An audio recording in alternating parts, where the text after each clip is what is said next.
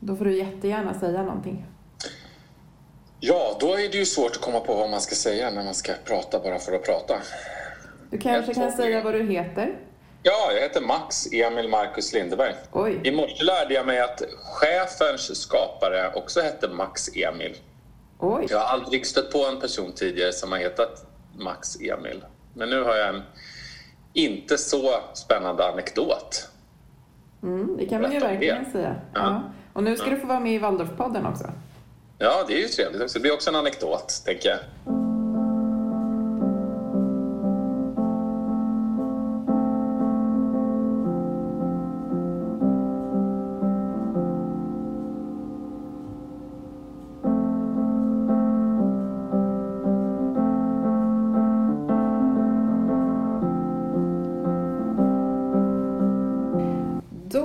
Hälsar jag er hjärtligt välkomna till ett nytt avsnitt av Waldorfpodden.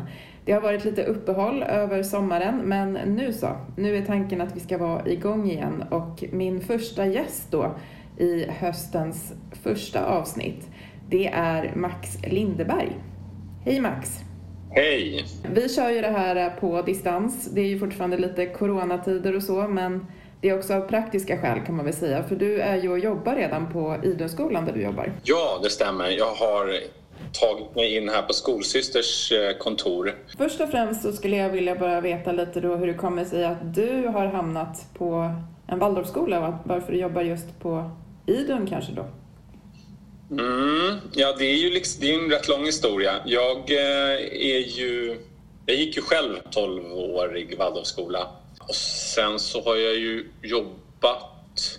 Jag började jobba på, på Martinskolan direkt efter att jag tog studenten och det handlade väl mest om att eh, jag, ja, de behövde lite folk och det passade mig, mig ganska bra. Jag hade ju eh, jag hade jobbat lite som kolloledare och, och sådär. Var väl ganska bekväm med det. Och då tyckte jag väl att det var, det var väl liksom världens bästa jobb. Det var sommar och liksom spela bandy och man, jag var väl en 18 år där någonting. Och, och då jämfört med andra jobb liksom tyckte jag det här var ju, det, det var ju nästan inte som att jobba. Det var ju, för mig i alla fall, så att inte liksom ha så mycket ansvar på att bara vara med en barngrupp så där och var ju jätte, jättekul. Så det var väl så jag liksom kom in i det. Men då var det ju liksom inte tänkt att göra någon sorts yrke eller liksom karriär, man ska säga, inom just det här. Utan det var ju verkligen bara så att ja, något ska man ju jobba med. Och det här var ju det roligaste jag eh, hade stött på i jobbväg. Liksom. Ja, men sen så sökte jag mig bort från Waldorfvärlden. Och det hade väl med att göra kanske att jag hade faktiskt, jag hade ju varit i den liksom, mer eller mindre frivilligt, eller vad man ska säga. I och med att jag, menar, jag valde ju inte Waldorf-lekis någon gång där i mitten av 80-talet utan det var ju någonting någon annan valde åt mig så att säga. Nej men så då var jag i, i den, eh, den stora världen där ute ett tag, eller vad man ska säga. Jobbade bland annat som fritidsledare i Stockholms stad och på lite olika skolor, jobbade lite med framförallt med barn med särskilda behov och så. Så hade jag varit utomlands en del och så. Jag ville söka liksom tillbaka och fundera på vad jag ska göra i Sverige. Och då tyckte jag faktiskt att det var något liksom som saknades i, eh, i liksom perspektiven och ja, vad ska man säga, helhetssynen. Jag tycker att det blev oftast när jag jobbade i Stockholms stad och så, man, det var väldigt mycket, man skulle, vi skulle fylla i statistik, olika pinnar över hur många besökare vi hade haft på fritidsgården där jag jobbade och ja, det var väldigt så, jag saknade det här att man lyfter blicken och ser liksom, eh, liksom på ett djupare helhetsperspektiv på vad, vad, vad människan, vad liksom existensen om om man så vill. Och det, jag saknade det så jag ville testa, men det, det kanske finns mer i, i, eh, i Waldorfvärlden. Så att jag, ja, men jag sökte mig tillbaka dit och kände mig väldigt tillfreds. Det känns som att jag fick eh, ja, men en mer meningsfullhet i det man gör. Liksom. Och för mig faktiskt lite också privilegiet att få vara kring ja, men andra vuxna människor som åtminstone funderat liksom, i lite, på lite kanske liknande saker som jag själv har gjort. Och så. Och det tycker jag det är, det är ett stort privilegium och det är, säger inte att det inte finns sådana människor utanför Waldorfvärlden men, men de är ju mycket mer frekvent förekommande i Waldorfvärlden i alla fall. I Idunskolan hamnade jag väl... Eh, jag gick ju Waldorflärarhögskolan Och då hade vi en sån här sommarvecka här ute. Och även vår utbildningsledare Eva-Lotta Andersson, hon var då föreståndare för fritids här på Idenskolan. Och då var jag här på den här sommarveckan och tyckte att, nej men att de på ett sätt tog eh, det här med Waldorfpedagogik, antroposofi lite, ett steg lite, lite längre än vad det var på Martinskolan som jag jobbade då. Eh, nej, men så jag sökte jobb här och fick det och då i samma veva så letade de efter en ny föreståndare för att eh, Eva-Lotta skulle ha en annan tjänst och hon har ju, jobbar ju också på VLH och så. Eh, och, eh, och då erbjöds jag den tjänsten och tackade ja. Så hamnade jag här och nu har jag varit här i fyra år. Något sånt. Om vi backar bandet lite då och går tillbaka till det här med utbildningen på Waldorflärarhögskolan. Mm. Hur kom det sig att du kände att det var läge att börja på den och vad fick du ut av de åren som du gick där känner du? Det finns väl ett väldigt krast svar som är väl helt enkelt att jag eh, hade ett behov av, jag behövde utbilda mig vidare. Jag, hade, jag var i en ålder eh, och hade en, en, liksom en, en lön, lönesituation som inte riktigt fungerade med, med mitt liv så att säga, som outbildad. Eh, och jag insåg att jag behövde utbilda mig. Och jag hade väl egentligen samtidigt faktiskt två erbjudanden eh, om att kunna utbilda mig i kontexten av att också kunna, eh, kunna jobba samtidigt. Så att säga. Jag hade från Stockholms stad de ville att jag skulle utbilda mig till eh, socialpedagog och jag kunde få då, alltså hjälp av dem på olika sätt. Då. Och sen samtidigt så dök det upp då ett erbjudande om att kunna gå eh, Waldorflärarhögskolan. Deras då helt nystartade utbildning till grundlärare mot arbete i fritidshem. Och då stod jag väl mellan de två. Jag insåg att jag behöver liksom ta mig vidare så att säga. Nej, men då, då tyckte jag att eh, jag passar betydligt bättre för att vara eh, Waldorf eh, fritidslärare. Jag har mer läggning för det än att vara socialpedagog. Så så var det väl. Hade kanske min livssituation på något annat sätt varit annorlunda, kanske jag hade gjort någonting annat. Det, så kan det vara. Sen så tycker jag att, och det är ju rätt intressant ändå, när jag började på VLH, Waldorflärarskolan, så hade jag ändå, jag hade gått 12 år i Waldorfskola. Jag hade varit praktikant för föreningen Sofia. Jag hade jobbat ganska många år på Waldorfskola. Jag hade också jobbat lite grann alltså, som timvikarie på Årsta gård och, och sådär som är också en ja, Waldorf-antroposofisk eh, eh, verksamhet. Men jag hade liksom ingen jag var, jag var kolloledare på Kristensamfundets barnläger också. Jag visste ganska lite. Jag hade liksom öppnat någon Steiner-bok någon gång mest på kul. Inte fattat eh, ett jota vad som stod där riktigt. Och jag kände så, jag, jag, jag hade ju väldigt, väldigt dålig jag visste ju väldigt, väldigt lite, vilket man kan tycka är väldigt märkligt någonstans. Så det var ju verkligen en, en, liksom en, en ögonöppnare, men det var det var, faktiskt, det var ju intressant att lära sig någonting om sin egen på något sätt, bakgrund. Och man förstod att sin egen skolgång och så i ett helt annat ljus. Jaha, jaha det var därför. Det var ju smart. Och man kom och satt och tittade på den här Waldorfkursplanen och man sa, jaha, ja just det, det där hängde ju såklart ihop. Ja. Och det fanns ju en tanke med det och, och sådär. Så det var ju väldigt eh, det var ju intressant. Liksom. Man har ju fått mycket mer kött på benen. Liksom. Jag tänker på det du säger det här med att du inte hade fått med dig så mycket just av det Waldorfpedagogiska liksom så från, från skoltiden. För det är ju, eh, ja, det kan ju inte ha undgått någon att det var den här dokumentären nu här i, mm. i slutet av våren. Och en av de saker som lyfts där och som sen också har fortsatt att lyftas i olika medier, sociala medier, tidningar och så, det är ju just att, att de som jobbar i Waldorfskola har försökt att liksom pracka på det Waldorfpedagogiska och det antroposofiska mot eleverna eller på eleverna. Mm. Och jag som har varit både och, precis som du, alltså både elev men också lärare, ser det inte riktigt så. Men jag tycker att det är spännande att ställa den frågan nu till mina gäster som jag kommer ha under de kommande mm. avsnitten. Hur, hur tänker du kring det? Nej, det var snarare, jag upplevde att det var snarare var tvärtom. Och det tar de väl också upp lite grann i den där dokumentären, att det är lite så här... Äh, att, jag kommer ihåg att, att vi, när jag gick gymnasiet, att vi, då var det några som tog och satte upp en bild på Steiner, alltså elever, på typ skämt, så här, lite så här coolt ironisk som man skulle väl vara där kring millennieskiftet. Så där. Och det kommer jag ihåg att äh, lärarna lite grann men, rynka på näsan lite, eller tyckte att det där var inte så lämpligt. Liksom så. Och, det var väl snarare lite så att, man vad är... Jag nästan hade nog liksom en frågetecken, varför, får jag inte, varför, varför är det ingen som pratar mer med, med mig om de här sakerna. För det, och då har man ju förstått sen att det är liksom lite meningen att man inte ska prata om det så mycket. Eh, men det var ju snarare, jag tyckte det var svårt att svara på frågor för folk tänker ju det sen att man, när man är kanske 21-22. Jaha, kommer du, har du en bakgrund i den världen? Så ställer folk frågor, jag har ingen aning. Liksom. Jag säger, ja, jag vet inte, vi äter vegetarisk mat och jag håller på med rytmi. Jag vet inte riktigt varför, men eh, ja, det, ja, det är väl rätt trevligt. Så, så att något påprackande av någon antroposofi var det ju... Det, nej, verkligen inte den skola jag gick i i alla fall. Och sen så kan jag ju konstatera att av mina klasskompisar så, som jag har gått med, och det är ganska många, så är det ju vad jag vet så är det väl bara jag som har eh, jobbat eller eh, eh, säkert läst en, en, bok av Rudolf Steiner från perm till perm. Det tror jag inte någon annan har gjort. Det tycker jag har varit väldigt tydligt faktiskt att det är något påprackande av antroposofi var det verkligen inte. Snarare tvärtom då. Ja, ja det där kan man diskutera länge tänker jag men, men jag ska lämna, lämna det därhän just nu så kommer jag återkomma sen som sagt i kommande avsnitt med några som får prata lite mer om det där. Tillbaka igen då till utbildningen på Waldorflärarhögskolan. Hur många år gick du och vad, vad fick du liksom med dig återigen då därifrån? Jag tror att det var fyra och ett halvt år och att det var på 60 procent. Så det innebar ju en helg i månaden ofta. Alltså sen fredag, lördag var det, så det var inte lördag, söndag oftast. Och sen en sommarvecka, oftast såg det ut så. Ja, vad fick jag med mig? Ja, det är klart, vi, vi läste ju en hel del. Man blev ju mycket mer medveten jag tycker att man blev en, man blev en medveten pedagog från att man kanske tidigare varit mer av en kanske intuitiv pedagog. På gott och ont tycker jag. Jag kan tycka att det kan finnas en nackdel när man blir för... På något sätt ut, man kan bli lite väl utstuderad när man har läst mycket pedagogik på något sätt. Att det, i, I hur man interagerar med, med elever och så. Jag, ty, jag vill ju ha att det ska vara något, något sorts, att det ska vara genuint liksom.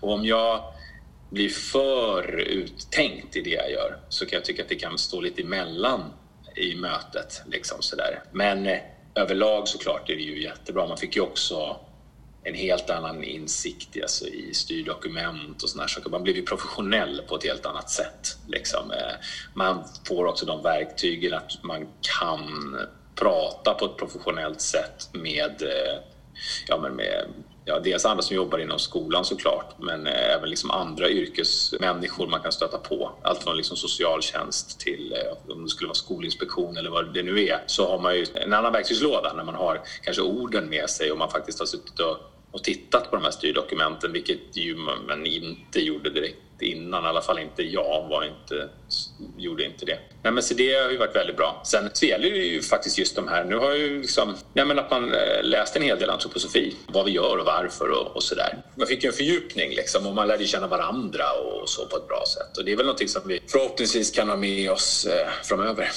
Om vi går tillbaka till det här med att arbeta på fritids då, då för det har du ju gjort nu i, i några år och så. Hur tycker du att en, en typisk arbetsdag på fritids ser ut?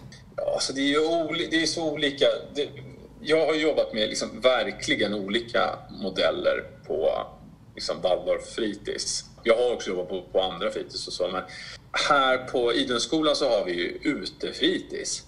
Och det går till så att vi tar emot barnen och är på, på vår stora liksom, naturskogsskolgård. Liksom. Och där vi är mycket tillsammans, väldigt, alltså det är många barn. Liksom. Vi jobbar med liksom, grupper och sådär på ett lite subtilt sätt. Eh, så, men men det är, ju, det är ju en form av verksamhet. Sen, till exempel på Martinskolan så hade vi istället små stugor med åldersblandade grupper och det var ju liksom en helt annan, det var en helt annan typ av verksamhet med ja, kanske andra möjligheter till utandning och så. Men en dag för oss ser väl ut så. Dels jobbar jag ju med annat så på förmiddagar som till exempel nu sitter jag och gör det här. Det kan vara ganska spridda uppgifter så. Men eh, annars tar vi emot eleverna. Klass 1 slutar 12.40 till exempel idag. Vi tar emot dem så, så släpper låter dem springa av sig lite sådär. Man har, de har behov av det när de har suttit länge i ett klassrum. Sen så ringer jag en klocka, samlar dem, har en liten samling, oftast inte så lång, för att eh, ja, de har redan suttit i skolan, de har hållit på med det. Vi behöver inte hålla på så mycket med sånt tycker jag. Utan, men vi, har lite, vi behöver ha en form där vi pratar om saker. Vi pratar om lite vad som gäller eller ja, vad vi ska göra idag och så. Sen brukar vi ha en lite gemensam lek för dem. Finns det också andra klasser ute så bjuder vi in dem. Men då är det lek på liksom klass 1 eh, villkor. Så. De har särskilda gränser och så de får vara på. Sen eh, håller det på ett tag tills det får ett naturligt slut. Sen så har vi mellanmål. Och sen efter det så har vi, vi har ju, eftersom vi ligger lite som vi gör, vi ligger liksom, ja för er som inte är så bekanta med geografin här så ligger vi liksom en bit utanför Stockholm, ut mot skärgården. Och vi har en del av våra elever som bor inne i stan och då har vi en tjänst där vi kallar vi bussledsagning. Att vi har pedagoger som åker med en grupp elever in till Slussen där föräldrar och vårdnadshavare tar vid. Då. Så det håller jag på att ordna med, för det där får ju inte bli fel. Va? Det blir så himla olyckligt om någon, något barn blir kvar eller åker in till stan som inte ska åka in till stan och så vidare. Eh, så. så det ordnar vi med efter mellanmålet och sen så är vi liksom här ute eh, tillsammans leker. Det kan vara lite fotboll på ängen och lite olika så. Sen så när vädret kräver och det gör det ju så småningom. Sen blir det ju mörkt och kallt. Då går vi in en stund efter där, kanske halv fyra, fyra. Så har man i alla fall möjligheten att gå in i vår matsal och spela spel och rita och ta det lite lugnt så. För ute blir det ju mycket, det är ganska intensivt lekande. Det är ju en sorts utandning men det kanske inte blir alltid den här avkopplingen. Så det är bra för de som är kvar länge att kunna få en liten en lugn stund på slutet. Så. Ja, så ser väl en vanlig dag ut för oss. Ni har ju fantastiska möjligheter där på Idunskolan att just vara ute som du säger och ni har ju också byggt ett slags uterum där ni kan sitta och äta mm. mellanmål när vädret tillåter som du säger. Är det någonting som du uppmuntrar andra skolor att, att göra också om man inte redan har det? Ja, jag tycker att man borde utveckla liksom en modell där man, man måste ha tillgång till ett innerum. Därför att annars, det har jag varit med om också, att man har, man har inte räknat med att det ska plötsligt börja liksom hagla och vara fem plusgrader fast det är i slutet av maj eller sånt där. Liksom. Så man måste ju kunna ha, det måste, man måste ha en plan B om det inte funkar. För jag har också stått där liksom och försökt bre mackor och det är liksom nollgradigt och barnen liksom har det inte bra. Så får det inte bli. Liksom. Så man måste ha tillgång till ett innerum. Där det går att, men det går att lösa med klassrum, matsalar och såna här saker. Sen lägg istället krutet på, på personal. Att rekrytera rätt personal, bra personal och man kan liksom använda resurserna till så mycket annat istället för att de ska gå och ticka till olika lokalhyror eller eh, sådär. För att ja, vad ska vi där inne och göra egentligen? Liksom barn ges de möjlighet och det finns goda förutsättningar utomhus så vill ju de flesta, man vill ju vara ute och det, jag tycker det är oerhört mycket mer ut, liksom, uh, utvecklande. Och jag tror, det här är väl knappast någon unik spaning för mig, men att dagens barn är ute för lite. Det är liksom inget att oroa sig för att barn Eh, har ju de rätt klädda så klarar man absolut uteliv, förutom ja, såklart. Ibland behöver man skydd. Om det, är, det är inte roligt om det spöregnar i fyra timmar. Det är kul att vara ute i spöregn i en timme, men kanske inte fyra.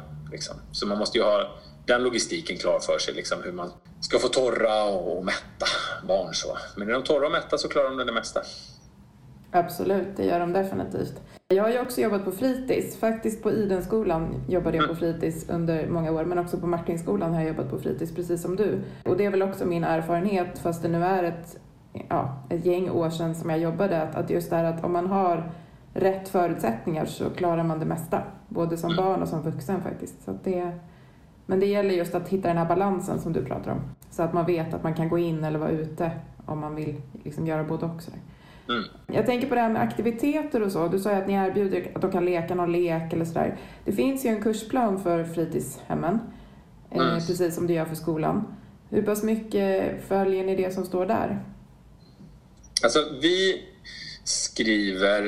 Eh, dels så skriver vi vår egen plan för fritidshemmet. Då skriver vi dels en övergripande del och sen för klass 1, klass 2, klass 3 och sen fritidsklubb. Det är egentligen klass 4, 5 även om vi har haft enstaka elever i klass 6. Och där tittar vi på En väg till frihet, den lokala kursplanen där och sen tittar vi i, i Lgr 11 för att det ska liksom, det vi gör ska överensstämma kunna liksom matcha in där. Sen så skriver vi ett årshjul där olika, de olika aktiviteterna kommer in. Vad gör vi den här årstiden, den här tiden på året eh, så att det, också står i överensstämmelse med styrdokument. Så att de ska få... Nu, det är ju en, kallas ju för en utbildning nu på fritids. Våra aktiviteter ska ju inte bara vara tagna ur luften utan de ska ju matcha in på ett, ett ett rimligt sätt. Ja, för där finns det ju också lite sådär eh, skrönor och så att, att vi inte använder oss av Lgr 11 utan att vi, vi kör vårt eget ris på Waldorfskolorna så. Men det är ju inte riktigt så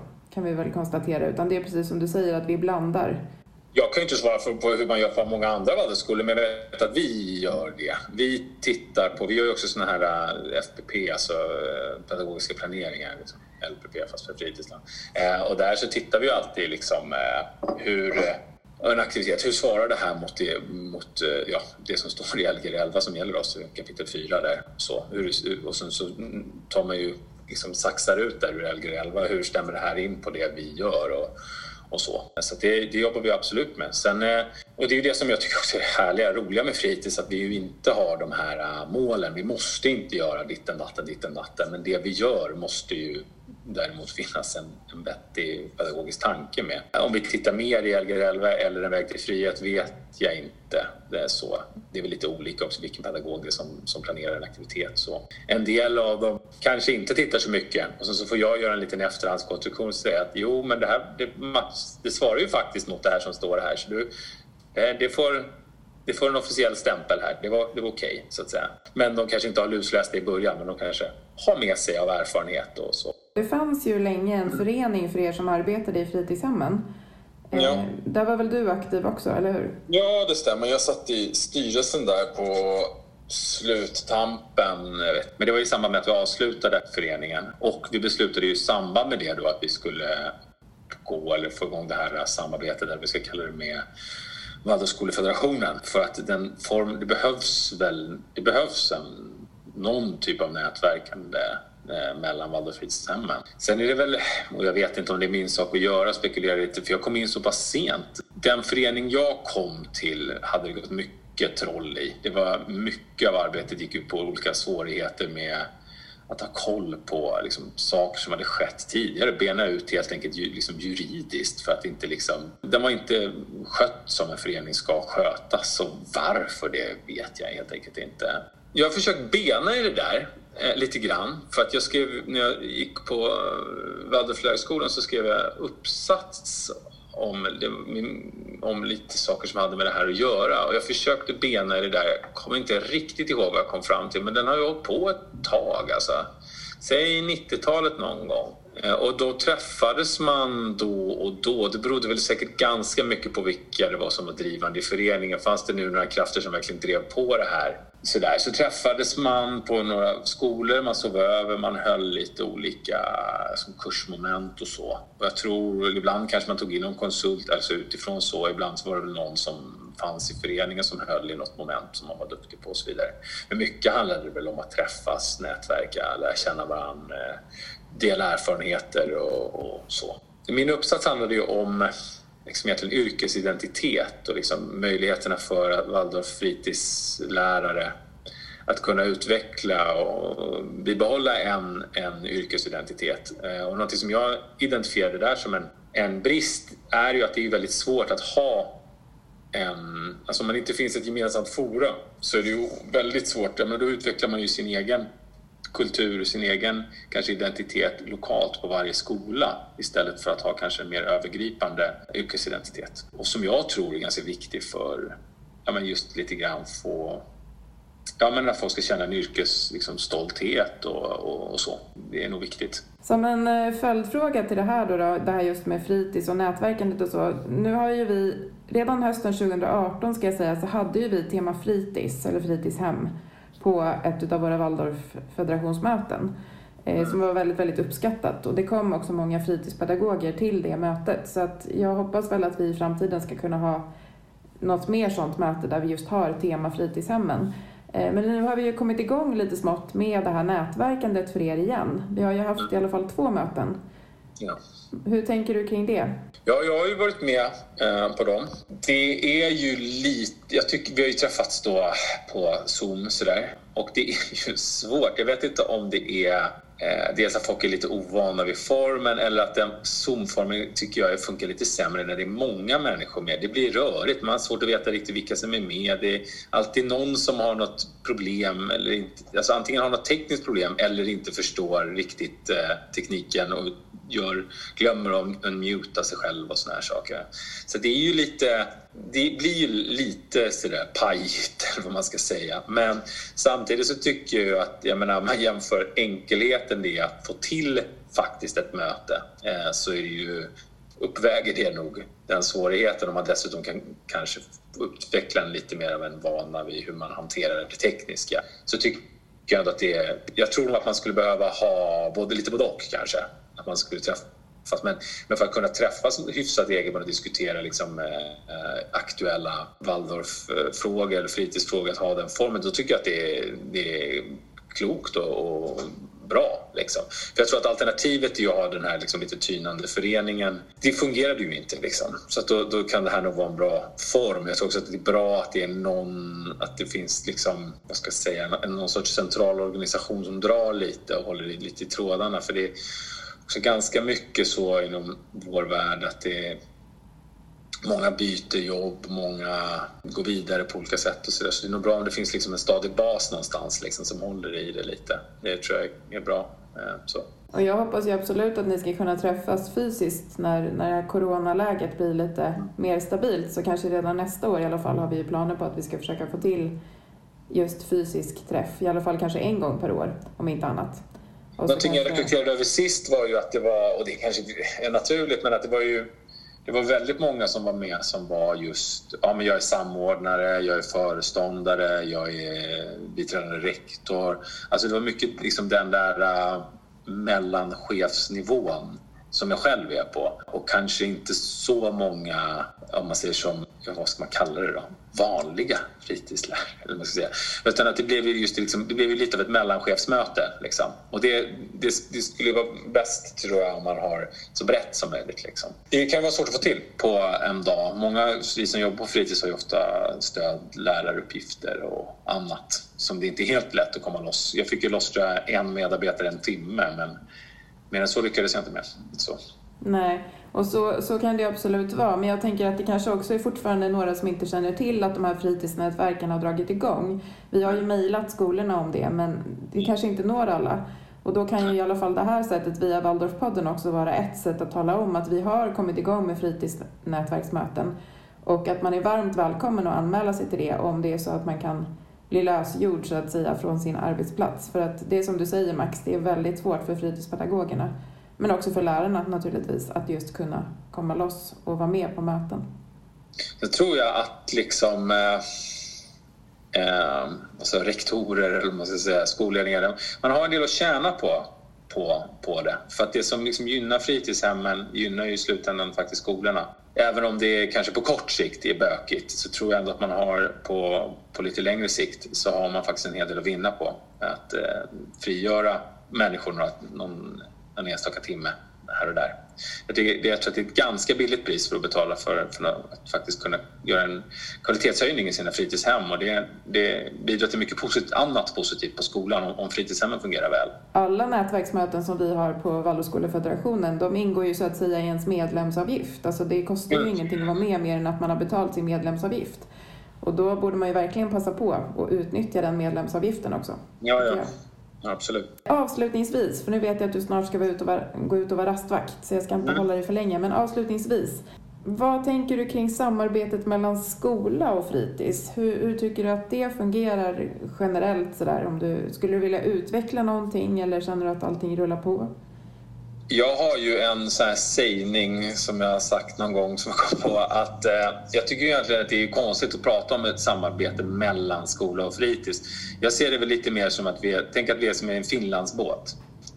Och då kanske, egentligen skulle man kanske prata om den un, liksom, klassrumsundervisningsskola och fritids. Jag, jag, jag jobbar ju för Idunskolan. Jag jobbar ju för skolan. Liksom. Jag, jag ser inte fritids som liksom på det sättet, något sätt någon sorts separat verksamhet utan allting går ju liksom in i, i varandra. Så det, det blir lite som att fråga maskinrummet på en Finlandsbåt, hur går, funkar samarbetet med båten?